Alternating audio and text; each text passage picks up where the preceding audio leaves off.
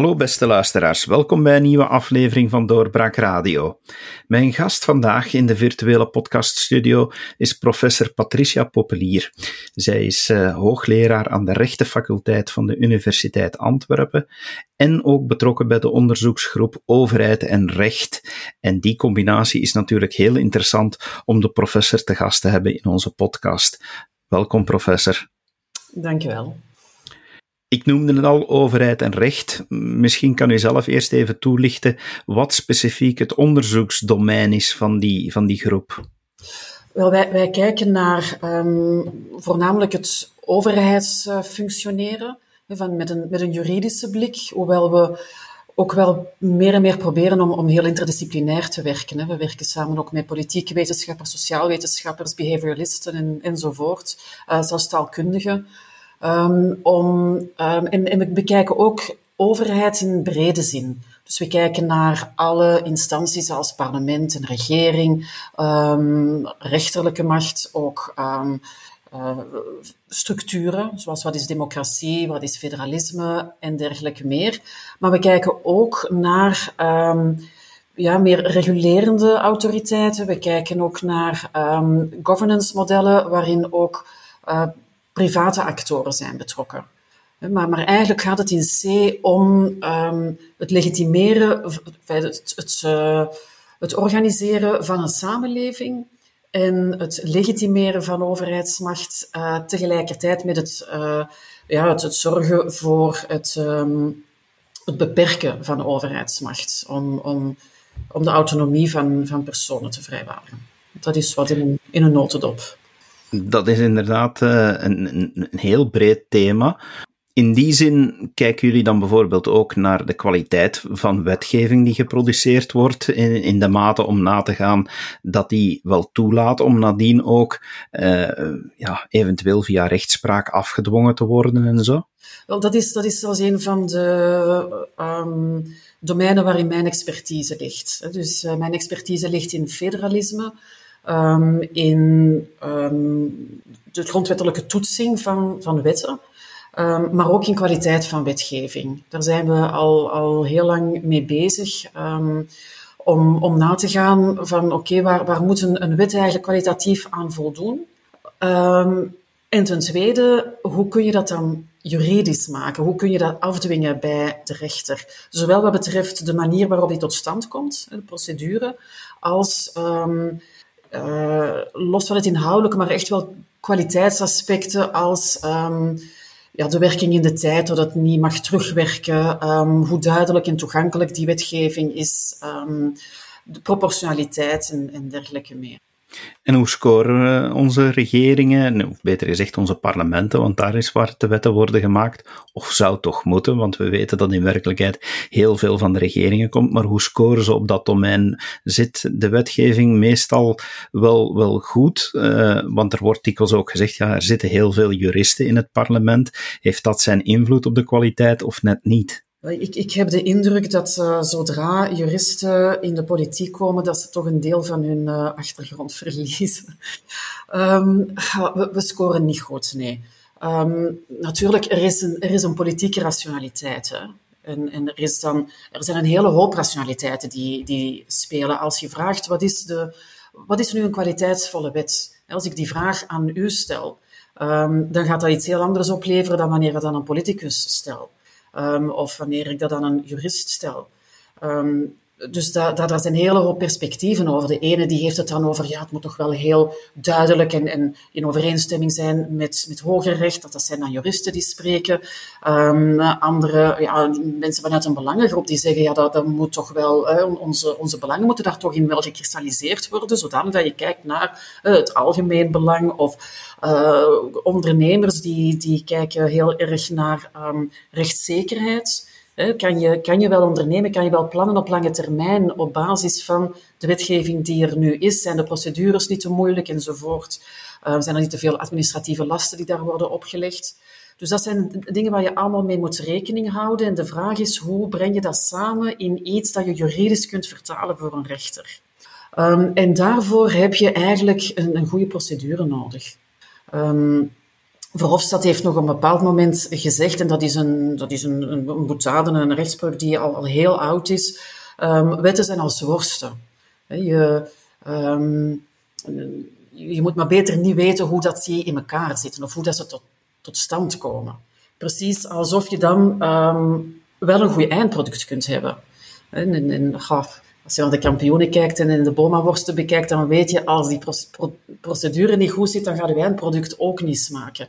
Maar vanuit politiek uh, perspectief betekent dat van, kijk, het is misschien een hele warboel en, en je moet gaan praten met heel veel verschillende groepen en compromissen maken. Dat is misschien allemaal niet zo heel mooi.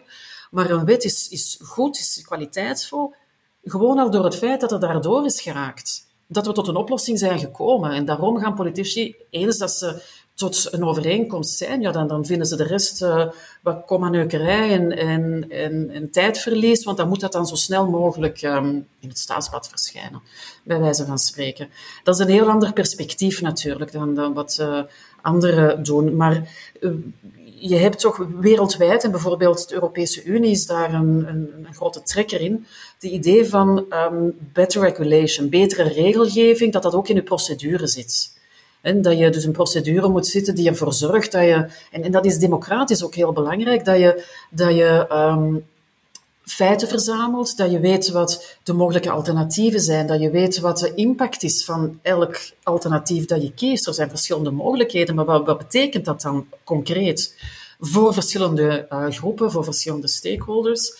Um, en, en wat is um, hun benadering? Je moet gaan consulteren.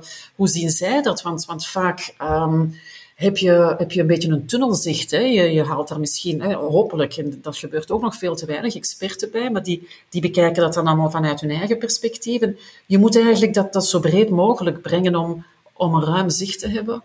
Om dan heel wel overwogen en geïnformeerd debat te kunnen hebben in uw parlement waarin je alles afweegt en dan een, een oplossing hebt, een, een, een, keuze maakt die je ook echt kunt verantwoorden. En als je dat als, um, als graadmeter neemt, dan, dan is het eigenlijk wel een, toch wel erg slecht met ons gesteld. Um, ik, ik, ik, ik, kan je een paar heel treffende voorbeelden geven. Oh, ja, nu ben ik benieuwd. Ja, als je kijkt naar de huidige discussie rond de coronawet, hè, zeer actueel, um, dat is een wet. Als, als je het aan mij vraagt, dan hadden we al lang iets moeten hebben. Uh, veel sneller dat gewoon op heel korte termijn voor nu juridische instrumenten gaf, zodanig dat, um, dat het beleid kon gevoerd worden zonder dat je bang moest zijn voor uh, mensen die naar de rechter stappen. Want nu heb je uitspraken van rechters die dan alles proberen toe te dekken, anderen die zeggen, ja inderdaad, uh, dit, dit, dit kan niet. Dus dat had je moeten voorkomen. Je had daar heel snel op de bal moeten spelen. En dan, daarnaast had je dan de tijd om op lange termijn voor volgende crisis iets te maken waar dat we ook democratisch blij mee kunnen zijn. Waar dat echt een, parlement een, een, uitvoerig debat over kan voeren van ja, wat zijn onze prioriteiten in zo'n gevallen bijvoorbeeld. Dat hebben we nu niet. Dus nu hebben we een wet die veel te laat komt, maar die op, toch op een drafje uh, wordt gemaakt, eigenlijk voor het voorbije beleid goed te keuren en niet gericht op wat komt. We zouden eigenlijk moeten wachten tot we kunnen evalueren wat er nu geweest is en op basis daarvan iets maken. Dus dat is wat we niet hebben. Um, nu, we hebben een reguleringsimpactanalyse. En een reguleringsimpactanalyse, dat is eigenlijk een instrument om de overheid te helpen geïnformeerde beslissingen te maken. En dat is een formulier waarin een hoop vragen staan van wat is uw doelstelling, wat zijn de mogelijke alternatieven enzovoort. En federaal heeft men dat ook ingevoerd. En er is zo'n document bij um, dat ontwerp voor de coronawet. Nu, een van de eerste vragen op dat formulier is, ja, je gaat nu de impact meten. Wat is de impact op het welzijn, op de werkgelegenheid enzovoort. En een van de eerste dingen die daar staan is, um, ja, op, op basis waarvan maak je die inschatting? Hè, van wat voor impact dat gaat hebben. En het antwoord is op basis van niks. Er is naar geen enkele studie gekeken. Er is nogthans heel veel gebeurd de afgelopen jaar. Heel veel studies afgeleverd, heel veel data geleverd. Ah nee, we gebruiken daar niks van. We gaan dus eigenlijk gewoon met de natte vinger wat inschattingen maken. En, dat, dat merk je dan ook aan die verdere analyse. Um, impact op het, uh, op de gezondheid, um, gezondheid en het welzijn, allemaal positief. Um, uh, zelfs met, ja, met het uh, werken thuis, ja, dat, dat gaat allemaal positief zijn, want dan heb je ook uh, meer tijd om bij je kinderen te zijn. Terwijl de kranten toch vol staan van hoe moeilijk het wel is voor, voor mensen die, die thuiswerken en kleine kinderen hebben om, om alles te combineren. Dus dat, dat is de manier waarop dan wetten worden gemaakt. En, en ik vind het eigenlijk, eigenlijk heel bedroevend dat dat ook zo gewoon zwart op wit daar staat. En, en in het hele parlementaire debat niemand daarnaar verwezen heeft, niemand daarover gevallen is. Dus ik denk dat het gewoon ook niet gelezen wordt. Dat is op zich inderdaad al erg. Wat ik me vaak afvraag als geïnteresseerde burger, is het feit dat er alsmaar wetten bijkomen en er alsmaar regels bijkomen. Dat ja, dat maakt het toch heel moeilijk om, om nog te kunnen volgen. Als ik me nu tegenwoordig zelfs afvraag, oeh, mag ik die boom hier nu snoeien of niet? Dan, dan moet ik er een advocaat bij halen, want dat is toch onmogelijk nog om te volgen. Dan kan je toch ook niet meer over, over een kwalitatieve overheid zorgen die duidelijke regels maakt en zo.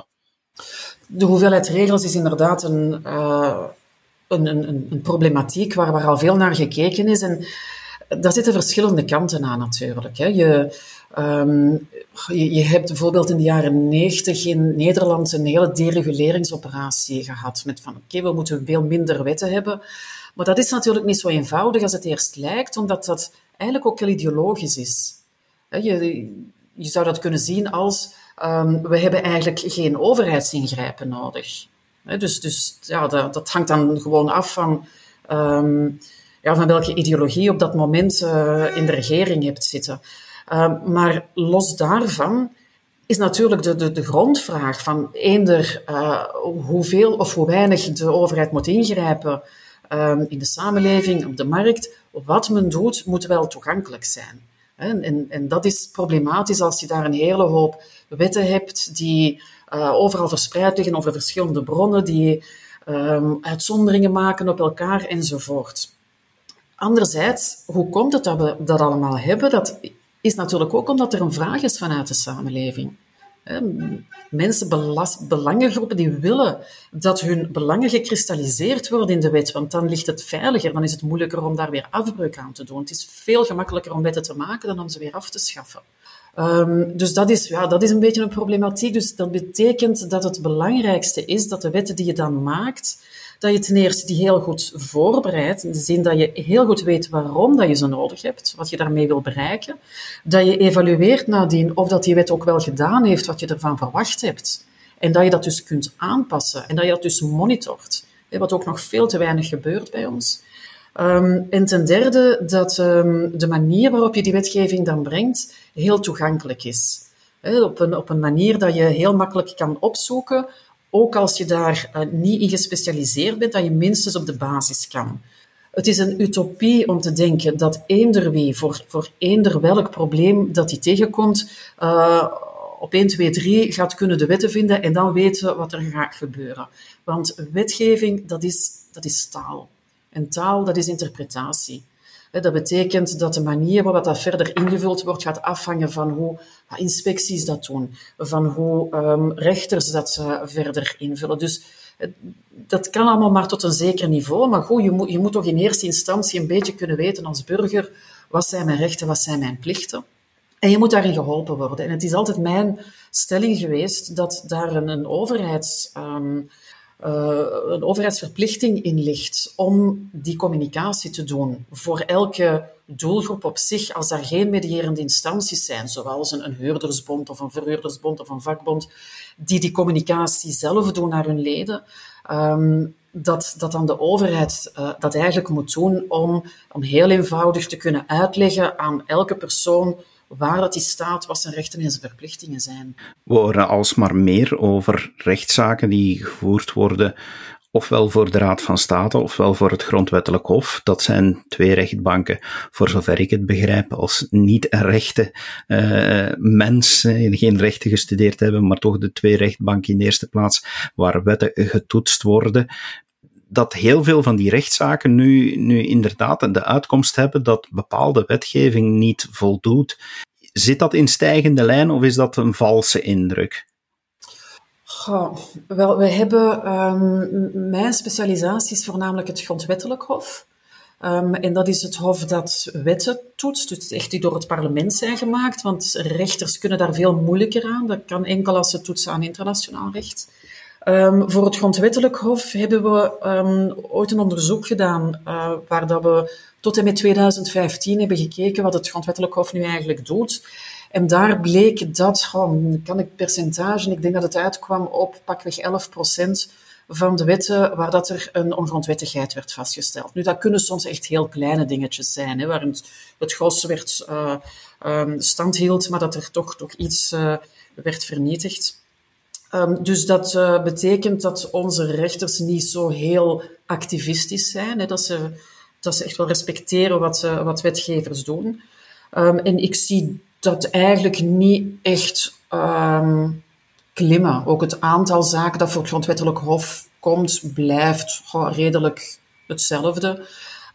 Maar wat we wel zien nu, is dat bijvoorbeeld bij de burgerlijke rechtbanken hè, er toch wel, ja, toch, toch wel een aantal zaken recent in de belangstelling zijn gekomen. Zoals bijvoorbeeld de klimaatzaak. Ja.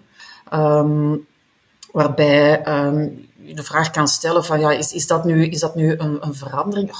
Vroeger was het ook zo dat er veel uh, acties kwamen, bijvoorbeeld um, rond de, de nachtvluchten.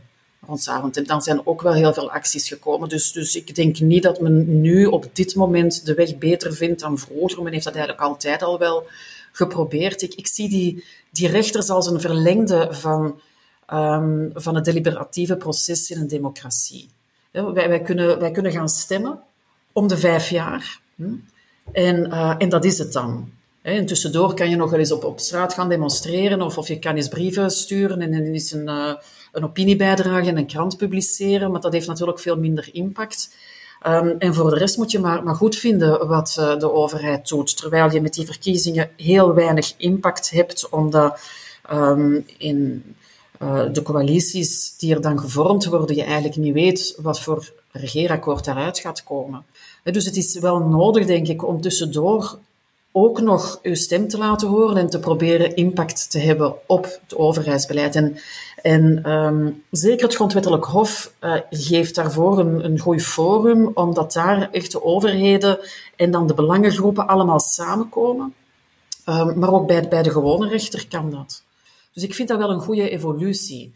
Um, en er is een, een wijziging gekomen in die zin dat je nu um, zo'n acties kan brengen voor de rechter, um, ook vanuit um, ja, belangengroepen, hè, die echt voor, een, voor, voor, iets van openbaar belang streven, dat, dat die zo'n vordering kunnen voeren, ook als er niet een, een individu is dat echt als een, al, al meteen nadeel uh, ondervindt. Dus, uh. u, noemde, u noemde net de klimaatzaak. Er zijn mensen die zeggen dat rechters, en men, plakt er dan heel makkelijk het woord activistische rechters op, dat de rechters uh, moeten beseffen dat ze moeten de wetten interpreteren, toepassen, maar niet het beleid gaan maken. Ja. Uw antwoord daarnet lijkt me toch, ja, eigenlijk loopt dat wel voor een stuk in elkaar over en is dat een goede zaak, dat er op die manier toch ook invloed op het beleid kan uitgeoefend worden? Wel, um ja, invloed op het beleid. Maar, maar um, een rechter gaat dat natuurlijk altijd juridisch vertalen. Dus dat wil zeggen, er moeten altijd um, haken en ogen zijn terug te vinden in wetteksten. Maar de overheid moet goed beseffen eh, dat ten eerste dat alles wat ze neerleggen in uh, officiële documenten mee kan genomen worden in een juridisch discours. Dat is wat in de klimaatzaak ook gebeurd is. Het is niet vrijblijvend wat ze allemaal beloven uh, en waarvoor ze zich engageren. Um, ten tweede is er een juridisch beginsel, dat is dat van proportionaliteit. En proportionaliteit, dat betekent dat uh, de overheid maar kan ingrijpen in uw en uw mijn vrijheid um, wanneer dat verantwoord kan worden. Wanneer dat, um, dat nodig is om een doel van algemeen belang te bereiken en wanneer je niet zwaarder ingrijpt in onze vrijheid dan nodig is. En, en daar is natuurlijk de grens met opportuniteit heel licht, want dat betekent dat je, dat je echt moet gaan kijken wat al die verschillende belangen zijn, wat al de mogelijkheden zijn om um, de alternatieven om je doel te bereiken en dat je die afwegingen doet. En, um, en dat is een, een, een juridisch vehikel waarin dat je een hele hoop beleidsargumenten wel in kan plaatsen. Dus in die zin is het vonnis in de klimaatzaak eigenlijk niet zo uitzonderlijk als sommigen willen laten uitschijnen. Is het normaal dat een rechter uitspraak doet en de overheid veroordeelt uh, beste overheid, jullie doen niet wat vastgelegd is in verdragen, zelfs internationaal en zo. Dat, uh, dat is iets wat dat perfect juridisch verdedigbaar is. Maar, maar absoluut. Ik, ik vond eigenlijk, um, ik, ik heb het nog eens nagelezen, dat vonnis um, vond ik eigenlijk heel wel overwogen. Wat, wat de rechter daar doet, is, is heel duidelijk um, op, op een heel lang tijdspad aantonen dat um, België zich verbonden heeft, juridisch, um, tot bepaalde doelstellingen. Dat er jaar na jaar na jaar is vastgesteld, ook vanuit de Europese Commissie, dat we niet voldoen, dat de inspanningen die we daarvoor uh, treffen, um, ja, dat, dat we daarmee echt niet halen. Dat dat ook te maken heeft met um, onze structuur, met het feit dat er gewoon niet gecoördineerd en samengewerkt wordt. En daar wordt niks aan gedaan. Um, dus dat was heel duidelijk dat, dat er onzorgvuldig bestuurd is. En het is een, een, een, cruciaal beginsel dat, dat al heel lang wordt toegepast, uh, zeker in het milieurecht, uh, voor aansprakelijkheid. Als je uh, onzorgvuldig bent en daardoor schade berokkent, ja, dan ben je daarvoor aansprakelijk, dan ben je daarvoor verantwoordelijk. Dat is helemaal niet nieuw. Um, en daarnaast heeft de rechter ook gezegd van kijk, wij mogen natuurlijk niet op de stoel van de overheid uh, gaan zitten. En dat betekent dat wij niet kunnen zeggen wat nu precies de overheid moet doen. Want um, de, de eisers die hadden gevraagd om te zeggen van ja, nu moet je zeggen voor dit en dat jaar moet je echt heel precieze cijfers uh, plakken van wat de overheid moet bereiken. Uh, en daar heeft de rechter gezegd dat kunnen we niet. We kunnen wel vaststellen dat wat er gebeurd is onvoldoende is en, en onzorgvuldig beleid was, uh, maar niet omgekeerd. En het is een artikel dat voor iedereen geldt, hè? dat ook voor u en voor mij geldt. Als wij onzorgvuldig zijn, dan kunnen wij daar ook juridisch aansprakelijk voor gesteld worden. Dat gebeurt dagelijks. Dat, zijn, dat zijn normale praktijken. Dus het is, uh, het is ook voor de overheid uh, een verplichting. Zij, zij kunnen zich daar niet aan onttrekken, waar, waar, waar wij allemaal aan onderworpen zijn. Ik ga nu even freewheelen, maar als ik dat dan doortrek, we, hebben, we zitten voor een stuk nog in de coronacrisis, eh, we, we beginnen wel uit te kijken naar, de, naar het einde ervan. Maar in die crisis is gebleken dat onze overheid op verschillende punten niet efficiënt is. Om het ook met een boetade te zeggen, negen ministers van volksgezondheid, dat maakt het allemaal moeilijk zou ik dan ook daar een rechtszaak van kunnen maken eh, tegen de overheid om te zeggen, ja, jullie doen niet aan zorgvuldig bestuur, dit is niet efficiënt, hier, zijn, hier is schade doorgeleden, er, er zou een betere structuur moeten komen om dat efficiënter aan te pakken in de toekomst? Um, kijk, je kan niet op zich aanvechten dat die structuur onvoldoende is of niet goed is. Maar dat kan wel een consequentie zijn. Er is bijvoorbeeld, dat was um, een van de eerste zaken rond um, de aansprakelijkheid uh, van de wetgever. Um, en dat ging over het feit dat de termijn om tot om, een geschil te beslechten, om een zaak voor de rechter te beslechten in Brussel, dat het veel te lang duurde. En uh, er is zoiets als, en dat staat in verdragen neergeschreven, de redelijke termijn. Je moet dus een een, een, geschil voor de rechter kunnen brengen en dan binnen een redelijke termijn tot een oplossing komen. En dat, dat, dat haalden we niet in Brussel. En een van de redenen was um, dat we de plaatsen niet gevuld kregen omwille van de taalvereisten. dus dat lag heel dicht bij, ja, bij, bij heel de communautaire problematiek in ons land. Um, en er is toen vastgesteld, ja, de, die redelijke termijn is overschreden. En um, dat was een fout dus van de wetgever om niet te voorzien in, um, ja, in, in, in regelgeving die ervoor zorgt dat, uh, dat de rechters hun, hun werk kunnen doen. Dus dat kan wel een implicatie zijn. Um, maar als zodanig niet, dus in, in, in het geval dat u, dat u geeft, zou je um, moeten kunnen aantonen dat er wel degelijk iets onzorgvuldig is gebeurd, dat er een, een fout is gebeurd. En dan moet je ook de schade kunnen aantonen. U bent eh, voornamelijk bezig met, eh, met de grondwet en het grondwettelijk hof, zei u al. als ik dan even kijk specifiek naar die grondwet, daar bestaat het, uh, het fameuze artikel 35 in, die, die eigenlijk heel duidelijk bepaalt dat België een federaal land is, waar de federatie bevoegd is voor een aantal dingen en al de rest aan de deelstaten toekomt. Maar die, die, dat grondwetsartikel heeft nooit een uitvoering gekregen. Zou je daar een zaak van kunnen maken om te zeggen, het wordt nu tijd dat, dat die uitvoeringsbesluiten er komen en dat artikel 35 wordt toegepast? Um, ik vind dat niet zo'n goed voorbeeld. Ik kan u direct uitleggen waarom. Um, er zijn andere artikelen die uh, wel een beter voorbeeld zijn. Wat het artikel 35 betreft, um, u zegt ja, daar staat heel duidelijk in dat we een federaal land zijn. Wel, dat staat daar niet. Het staat in artikel 1 van de grondwet. Dat zegt dat we een federaal uh, land zijn. En eerlijk gezegd, ik heb daar um, onderzoek naar gedaan. Ik heb daar net een boek over uit, over wat federalisme eigenlijk is. Um, en, um, en dat dan gemeten. Uh, ik heb daar een instrument voor ontwikkeld dat ik heb toegepast op België. En eigenlijk zijn we al geen federaal land meer. We zijn al een confederatie. dus, uh, maar, ja, maar, maar goed...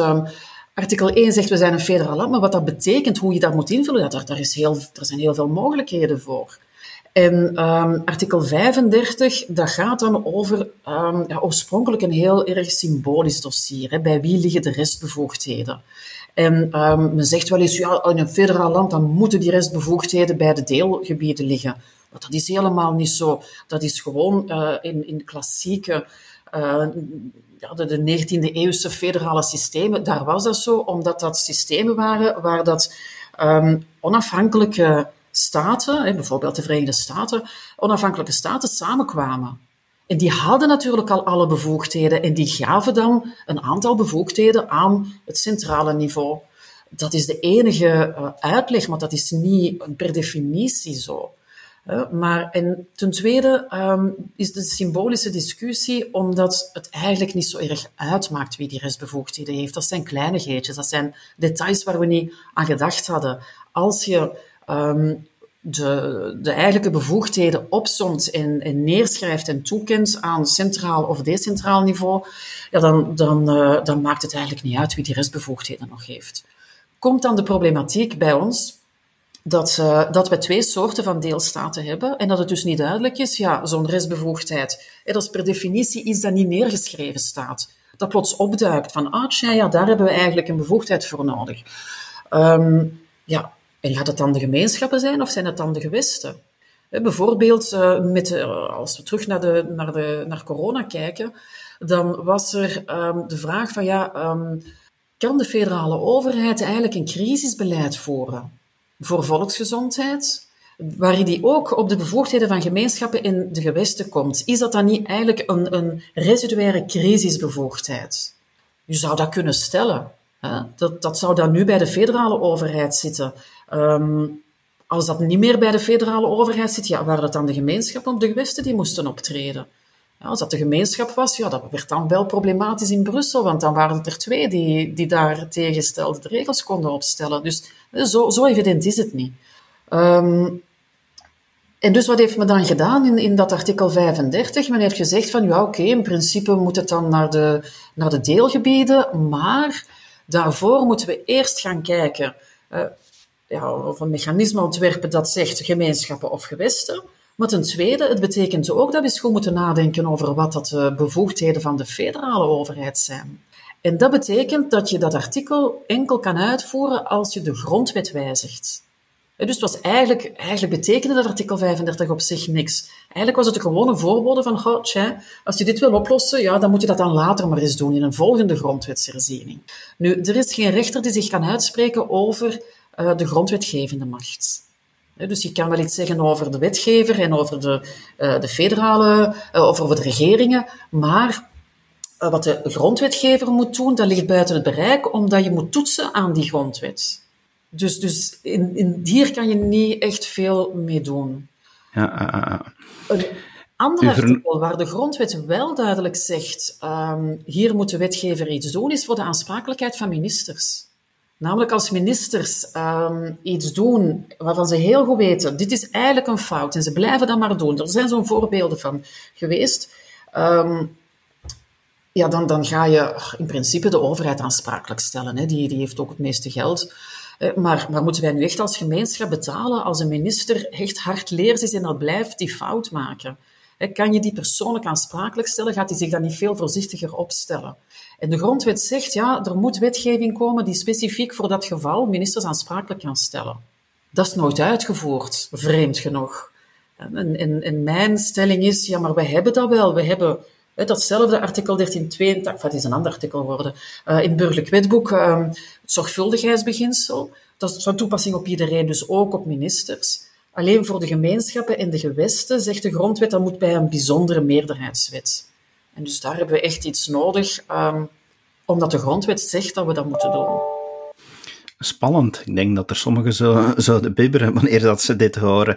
Uh, u noemde ook uw boek, uh, waarin u zegt dat u, dat u het federalisme uh, hebt getoetst. Ehm, eigenlijk wel, wel best interessant. Is het een boek dat, dat, dat ik zou kunnen lezen, of moet je de rechten voor gestudeerd hebben?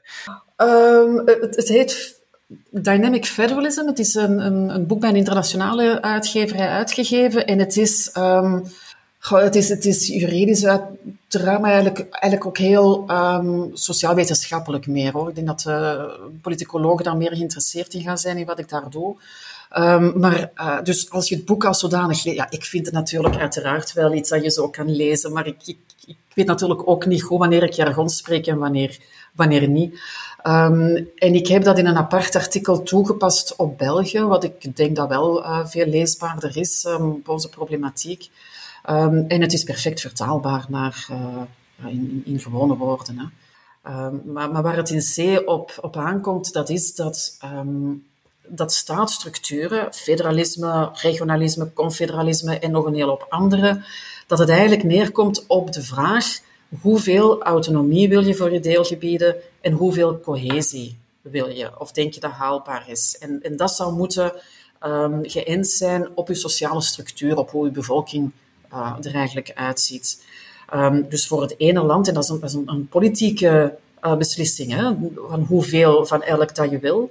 Um, als je bijvoorbeeld naar de NVA gaat kijken, dan ja, is hun programma heel duidelijk. Uh, cohesie heel laag houden, autonomie zo groot mogelijk. Bij anderen ligt dat anders. Dat is een, een politiek, uh, een politiek overeenkomst dat je moet maken. En dat gaat dan bepalen hoe dat je je instellingen gaat um, organiseren. Um, waarbij het perfect haalbaar is dat je zegt, ja, we willen niet zo heel veel cohesie, want dat, is, dat, kunnen we toch niet bereiken. Dat gaat niet lukken. We moeten dat een beetje op een lager niveau zetten. Maar je kunt natuurlijk ook je instellingen zo uh, maken dat, um, dat je daar veranderingen in brengt. Dat je dat eigenlijk verder brengt dan wat je sociale structuur eigenlijk nodig heeft. Dus, dus dat, dan, dan moet je dan een beetje in elkaar passen. En wat ik heb gedaan is, een, is, een, uh, is instrumenten maken waarmee je kan meten gewoon institutioneel, um, hoeveel autonomie dat je wilt geven aan je deelstaten en hoeveel cohesie dat je wilt behouden in het geheel. En, en die samen gaat dan bepalen, ben je een federatie, ben je een confederatie, ben je nog verder dan, dan dat, meer een associatie, um, of een regionale overheid of een decentrale uh, systeem. Dus dat kan je daarmee meten ik denk dat we een aantal mensen wel zullen wakker gemaakt hebben om ofwel het boek te lezen ofwel bij u les te komen volgen, want dat is uh, enorm boeiende materie. Professor, dank u wel dat u de tijd hebt genomen om dit allemaal toe te lichten in onze podcast. Dat is heel graag gedaan, dank u wel. En uw beste luisteraar, dank u wel dat u geluisterd hebt. Hopelijk hebt u er ook weer wat van opgestoken en graag tot de volgende keer. Dag. Dit was een episode van Doorbraak Radio de podcast van doorbraak.be. Volg onze podcast op doorbraak.be/slash radio of via Apple Podcasts, Overcast of Spotify. Bezoek ook onze website op doorbraak.be en steun ons door een vriend te worden van Doorbraak.